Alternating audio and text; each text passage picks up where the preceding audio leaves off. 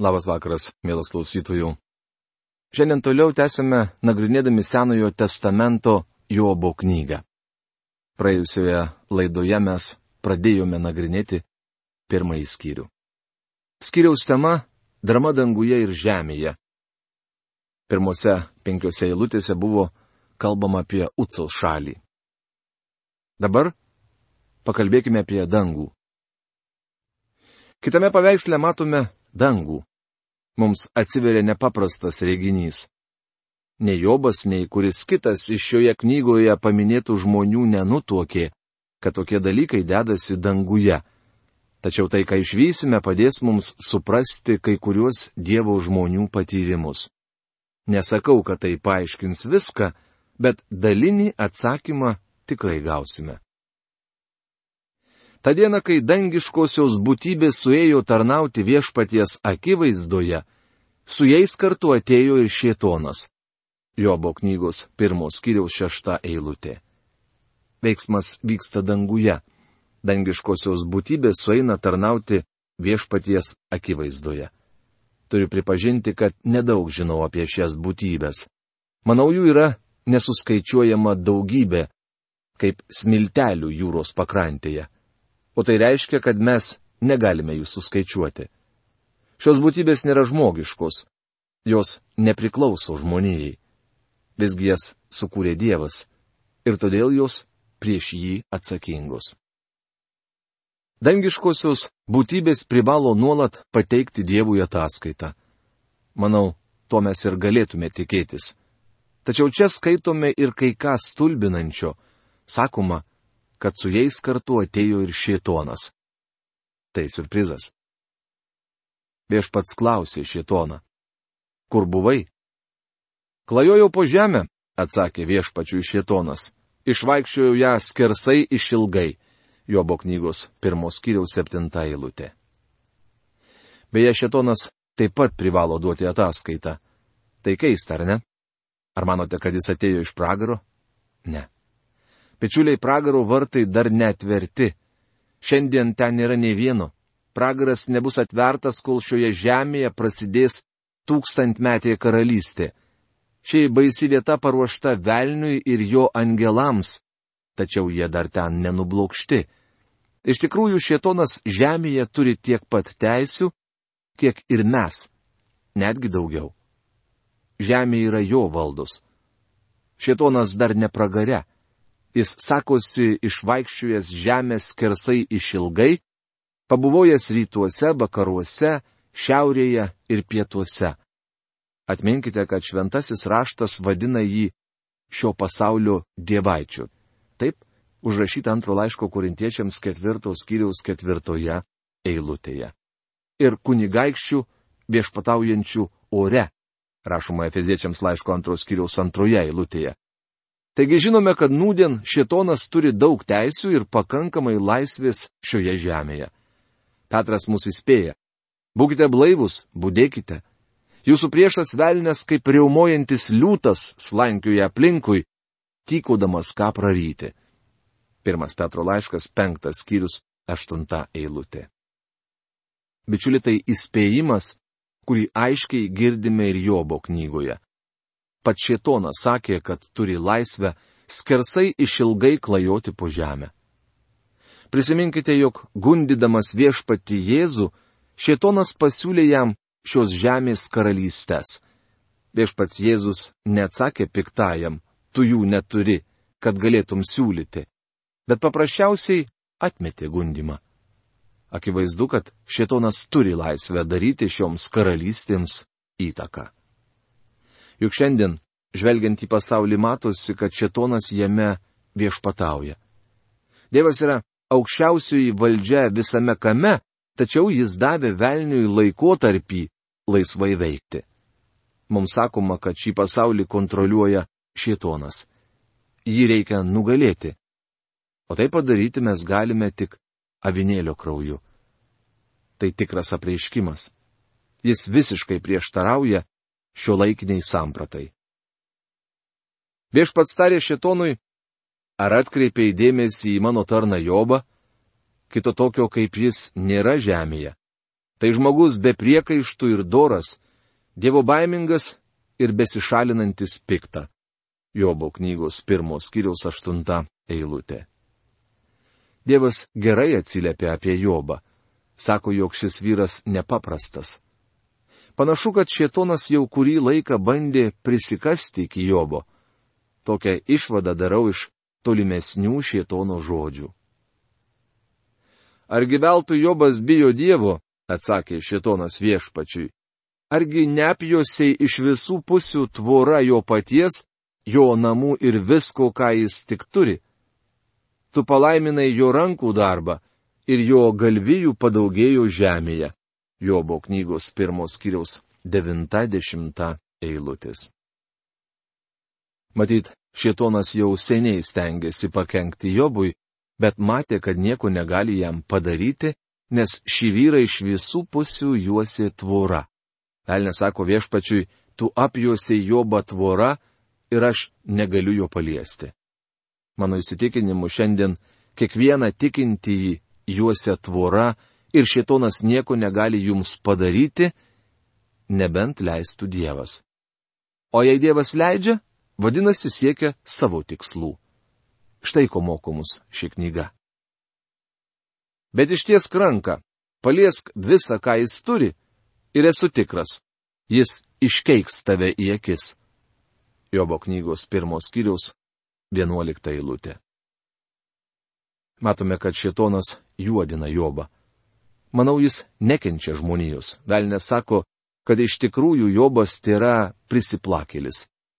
Piktasis visiškai nevertina mūsų ir tvirtina, kad jei Dievas nuverstų mus supančią tvorą ir viską iš mūsų atimtų, mes imtume jį keikti. Taip, daugelis žmonių pasaulyje keikia Dievą.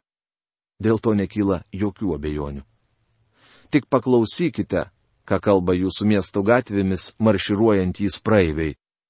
Aš ko ne kasdien girdžiu, kaip keikiamas Dievas kartą ėjau pro statybas, kur vienas darbininkas bandė kažką pritvirtinti. Tačiau jam nepavyko ir visas jo darbas nuėjo per niek. Kad būtumėte girdėję, kaip jis ėmė plūsti Dievą. Greičiausiai sekmadieniais šis vyras pasiima po pažastimi didelę Bibliją ir eina į bažnyčią. Tačiau žinau vieną - jis keikia Dievą. Šiandien tai girdime nuolat. Bičiuli, žmonių santykiai su Dievu nėra teisingi. Jobas buvo apjuostas tvora. Pamatęs, kad negali šio vyro paliesti, šitonas tarė. Norėčiau iki jo prisikasti. Pelnes nekenčia žmonijos. Nesuprantu, kodėl kai kurie nori jam tarnauti, juk jis mūsų nekenčia. Aš nenorėčiau turėti tokio šeimininko. Man patinka, kai šeimininkas myli mane ir užjaučia. Būtent tokį šeimininką aš ir turiu. Viešpats tarė šitonui, štai visa, ką jis turi, tavo rankose. Tik prieš jį patį rankos nepakelk. Tada šitonas pasišalino iš viešpaties akivaizdus. Jobo knygos pirmos kiriaus dvylikta eilutė. Matome, kad kartais Dievas leidžia šitonui atimti iš mūsų tai, ką mes branginame. Žinau, kad netekę savo taip vadinamos saugios paklodės, pasijaučiame šiame pasaulyje bejėgiai, silpni ir pasimetę. Tokiu metu daugelis iš mūsų šaukiamės Dievo. Pastebėkite, kad Dievas leidžia šietonui atimti iš Jobo visą, ką šis turi. Patikėkite, šietonas sunaikintų mus, jei tik galėtų. Jis šmeižė Dievą ir Jobą, tvirtindamas, jog Dievas pats iš savęs nevertas lojalumo ir meilės, ir kad Jobas myli jį tik todėl, kad jam moka. Šietonas yra Dievo ir žmogaus priešas. Vėl Uco šalyje. Vieną dieną, kai jo sūnus ir dukterys valgė ir gėrė vyną vyriausiojo brolio namuose. Jobo knygos pirmos kiriaus 13 eilutė. Bičiuliai, Jobo vaikai mėgavosi gyvenimu kasdien pogiliaudami tai vieno, tai kito brolio namuose. Jie iš ties smagiai leido laiką. Atbėgo pas Jobą pasiuntinys.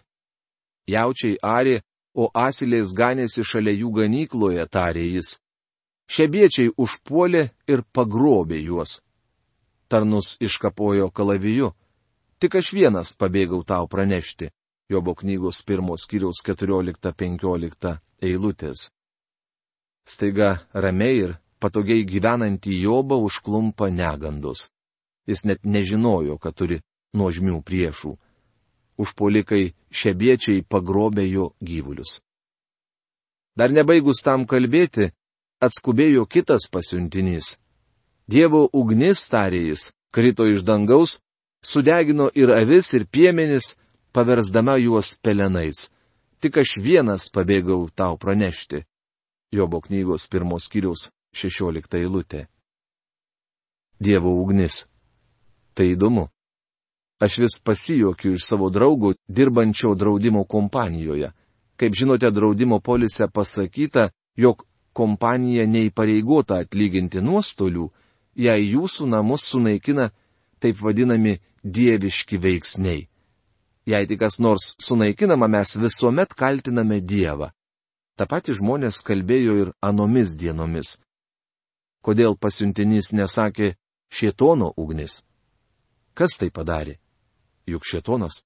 Kodėl draudimo polise neparašyta, jei Dievas leis šietonui sunaikinti mano namus?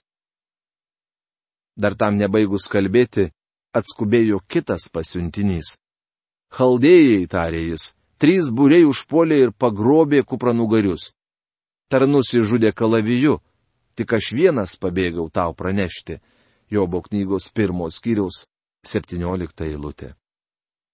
Šiandien kalbama apie konkrečias biržos kainas.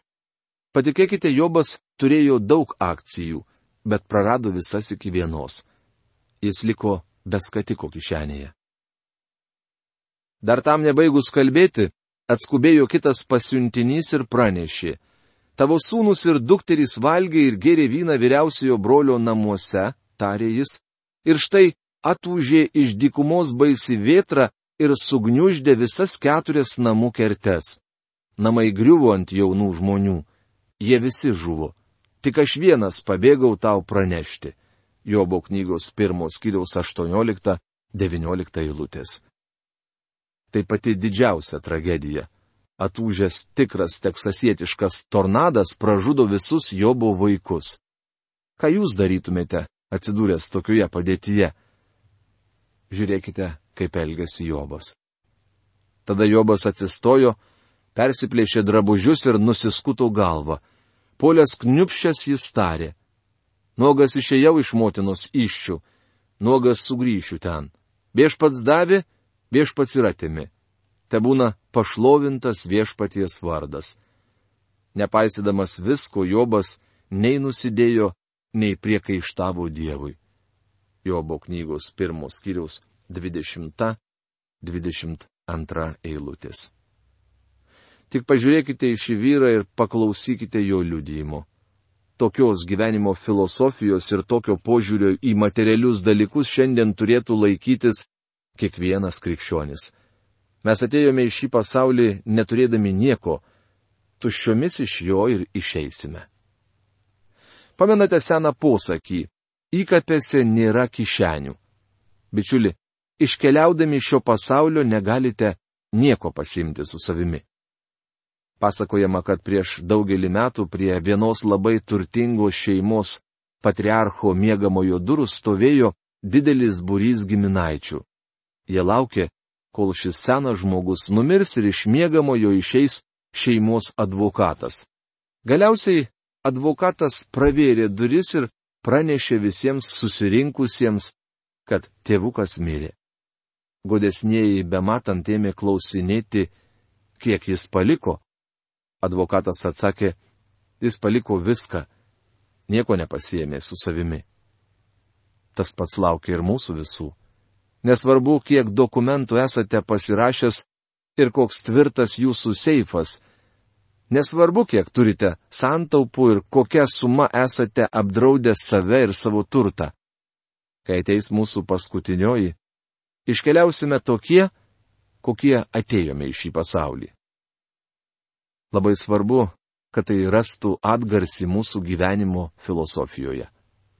Galbūt šiandien gyvenate prabangiame name, o gal užnelėje. Gal turite didelę sąskaitą bankę, o gal iš viso neturite ką skaičiuoti. Gal jūsų seife pilna akcijų ir guli šusnys pinigų, o gal jūs neturite seifo. Visai nesvarbu, kas esate. Mes visi paliksime šį pasaulį taip pat, kaip į jį atėjome. Jei ką ir turite, tesate šių dalykų prievaizdas. Juk įsigilinę sutiksite, kad visa tai mums nepriklauso. Jobas puola kniupšęs ir garbina Dievą.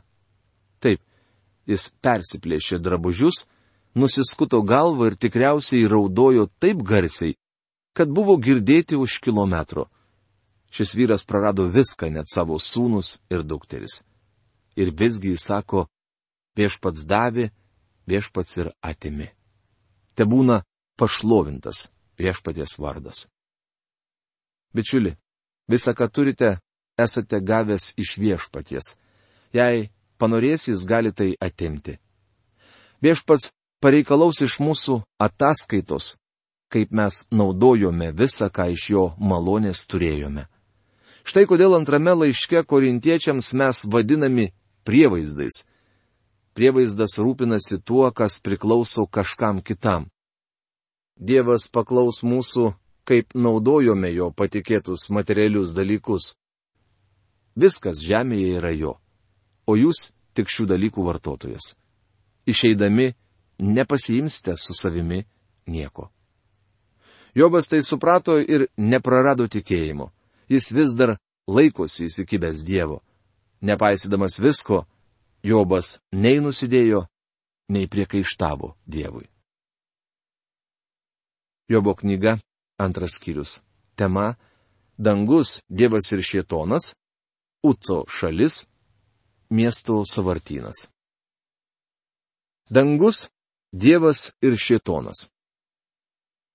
Ta diena, kai dangiškosios būtybės suėjo tarnauti viešpaties akivaizdoje, su jais kartu atėjo ir Šietonas tarnauti viešpačiui. Jobo knygos antros kiriaus pirmą eilutę. Dangiškosios būtybės vėl susirenka duoti viešpačiui nuolatinės ataskaitos. Pastebėkite, kad visos jos turėjo prieš jį atsiskaityti. Vieną dieną mes taip pat turėsime duoti Dievui ataskaitą. Atminkite, kad krikščioniui reikės stoti prieš Kristaus teismo krasę, tai prašoma antrame laiške korintiečiams penktame skyriuje, dešimtoje eilutėje. Ir ten mes pranešime jam, kaip atlikome žemėje prievaizdo tarnybą. Mes pateiksime viešpačiui ataskaitą. Kaip tikintieji mes nestosime prieš didžiojo baltojo sosto teismą aprašytą prieškimo knygos 20 skyriaus 11-15 eilutėje. Ten ataskaitą duos netikintieji. Visi Dievo kūriniai turi atsiskaityti prieš Dievą. Nepamirškite, bičiuli, kad Jis Dievas. Šiandien mes nesielgiame, kaip mums patinka. Visi aplinkui šaukia, norime laisvės, Kiek laisvės jūs turite? Proporcingai vertinant, žiogas iššoka daug aukščiau negu žmogus. Jei galėtume šokinėti kaip žiogai, peršoktume aukščiausius pastatus. Dievas sukūrė mūsų ribotus. Mes kūriniai jis, kūrėjas. Visi turime duoti jam ataskaitą. Pastebėkite, kad dangiškosioms būtybėms susirinkus atsiskaityti prieš Dievą, turėjo ateiti ir šietonas. Velnes nėra už Dievo jurisdikcijos ribų. Nors Dievas ir taip žinojo, ką jis praneš, Šietonas privalėjo pasirodyti Dievo akivaizdoje ir papasakoti jam, ką veikia. Kur buvai? klausė viešpat Šietoną. Klajojau po žemę, atsakė viešpačiui Šietonas, išvaikščiojau ją skersai išilgai. Jobo knygos antros kiriaus antra eilutė. Kitaip tariant, šitonas vėl praneša, kad užsijėmė savais reikalais. Jis viešpatavo žemėje. Aš tikiu, kad velnas ir šiandien tebe valdo šį pasaulį. Užtenka apsidairyti aplink ir įsitikinsit. Viešpats paklausė šietoną, ar atkreipė įdėmėsi į mano tarną Jobą, juk kito tokio kaip jis nėra žemėje, Tai žmogus be priekaištų ir doras, dievo baimingas ir besišalinantis piktą. Jis vis laikosi savo dorumo. Vadinasi, bereikalo sukurstė į mane į sunaikinti. Jobo knygos pirmos skyriaus trečia eilutė. Čia aiškiai matome, kad ne dėl Jobo kalties viešpats leido šitonui taip su juo pasielgti. Žmonės visuomet klausia, kodėl Dievas leido, kad su manimi taip atsitiktų. Galbūt į šį klausimą Dievas atsakytų, tu čia nieko dėtas, tai nerykštė. Aš nebaudžiu tavęs, tik noriu pritraukti arčiau savęs. Štai kodėl jis leido, kad šetonas kenktų Jobui. Jobas dėl to nebuvo kaltas. Kartais mes badome pirštais kitus tikinčiuosius ir sakome, kad Dievas juos baudžia. Greičiausiai yra visai ne taip. Galbūt Dievas mėgina tą žmogų, kaip negalėtų mėginti jūsų ar manęs, nes mes paprasčiausiai nepakeltume tokių negandų. Atvirai kalbant, aš už jokius pinigus nenorėčiau patirti tų kančių, kurias išgyveno Jobas. Viešpats vėl atkreipė šietono dėmesį į Jobą. Šis vyras vis dar tarnauja man. Sakei, kad jei leisiu tau viską iš jo atimti, jis atsuks man nugarą. Tačiau Jobas to nepadarė. Jis liko man ištikimas. Oda už odą, atsakė šitonas viešpačiui. Visa, ką žmogus turi, jis atiduos už savo gyvybę. Bet iš ties kranka, paliesk jo kaulus bei kūną ir jis tikrai iškeiks tave į akis. Viešpats tarė šitonui, štai jis tavo rankose, tik jo gyvybės neliesk. Jobo knygos antros kiriaus ketvirta šešta eilutės. Žinote, šitonas puikiai pažįsta daugelį iš mūsų. Mūsų šarvuose yra plyšys. Mes turime Achilo kulną, tam tikrą silpnybę. Kai mūsų kaulams ima grėsti pavojus, mes palūštame. Tačiau Dievas yra davęs pažadą. Jums tekia išmėginimai tai yra žmogiški, Dievas ištikimas. Jis neleis jūsų mėginti virš jūsų jėgų, bet su išmėginimu duos ir išeitį, kad galėtumėte atsilaikyti. Rašoma pirmame laiške korintiečiams dešimtame skyriuje tryliktoje eilutėje. Dievas niekuomet neleis mūsų gundyti labiau, negu mes galime pakelti. Turime to nepamiršti. Mano draugė, kad ir kas esate, ir kokius sunkumus išgyvenate, Dievas gali jūs sustiprinti. Tai didelė pagoda. Mes nežinome, ką atneš nauja diena. Ji gali būti neapsakomai tragiška arba maloni ir džiugi, bet kuriuo atveju Dievas sako, aš įgalinsiu tave visą tai išgyventi. Jis pasirūpins, kad mūsų šarvai nenukristų ir neįtrūktų. Nuostabu tai žinoti. Šitonas melagis. Jis sako, kad Jobas atiduos viską už savo kūną ir ims keikti Dievą, jei tik jam bus leista paliesti šio vyro kaulus ir kūną. Mėlėjai, tai, kas atsitiko toliau, mes su jumis nagrinėsime jau kitoje mūsų laidoje. O šios dienos laidos laikas baigėsi. Iki malonaus susitikimo. Sudė.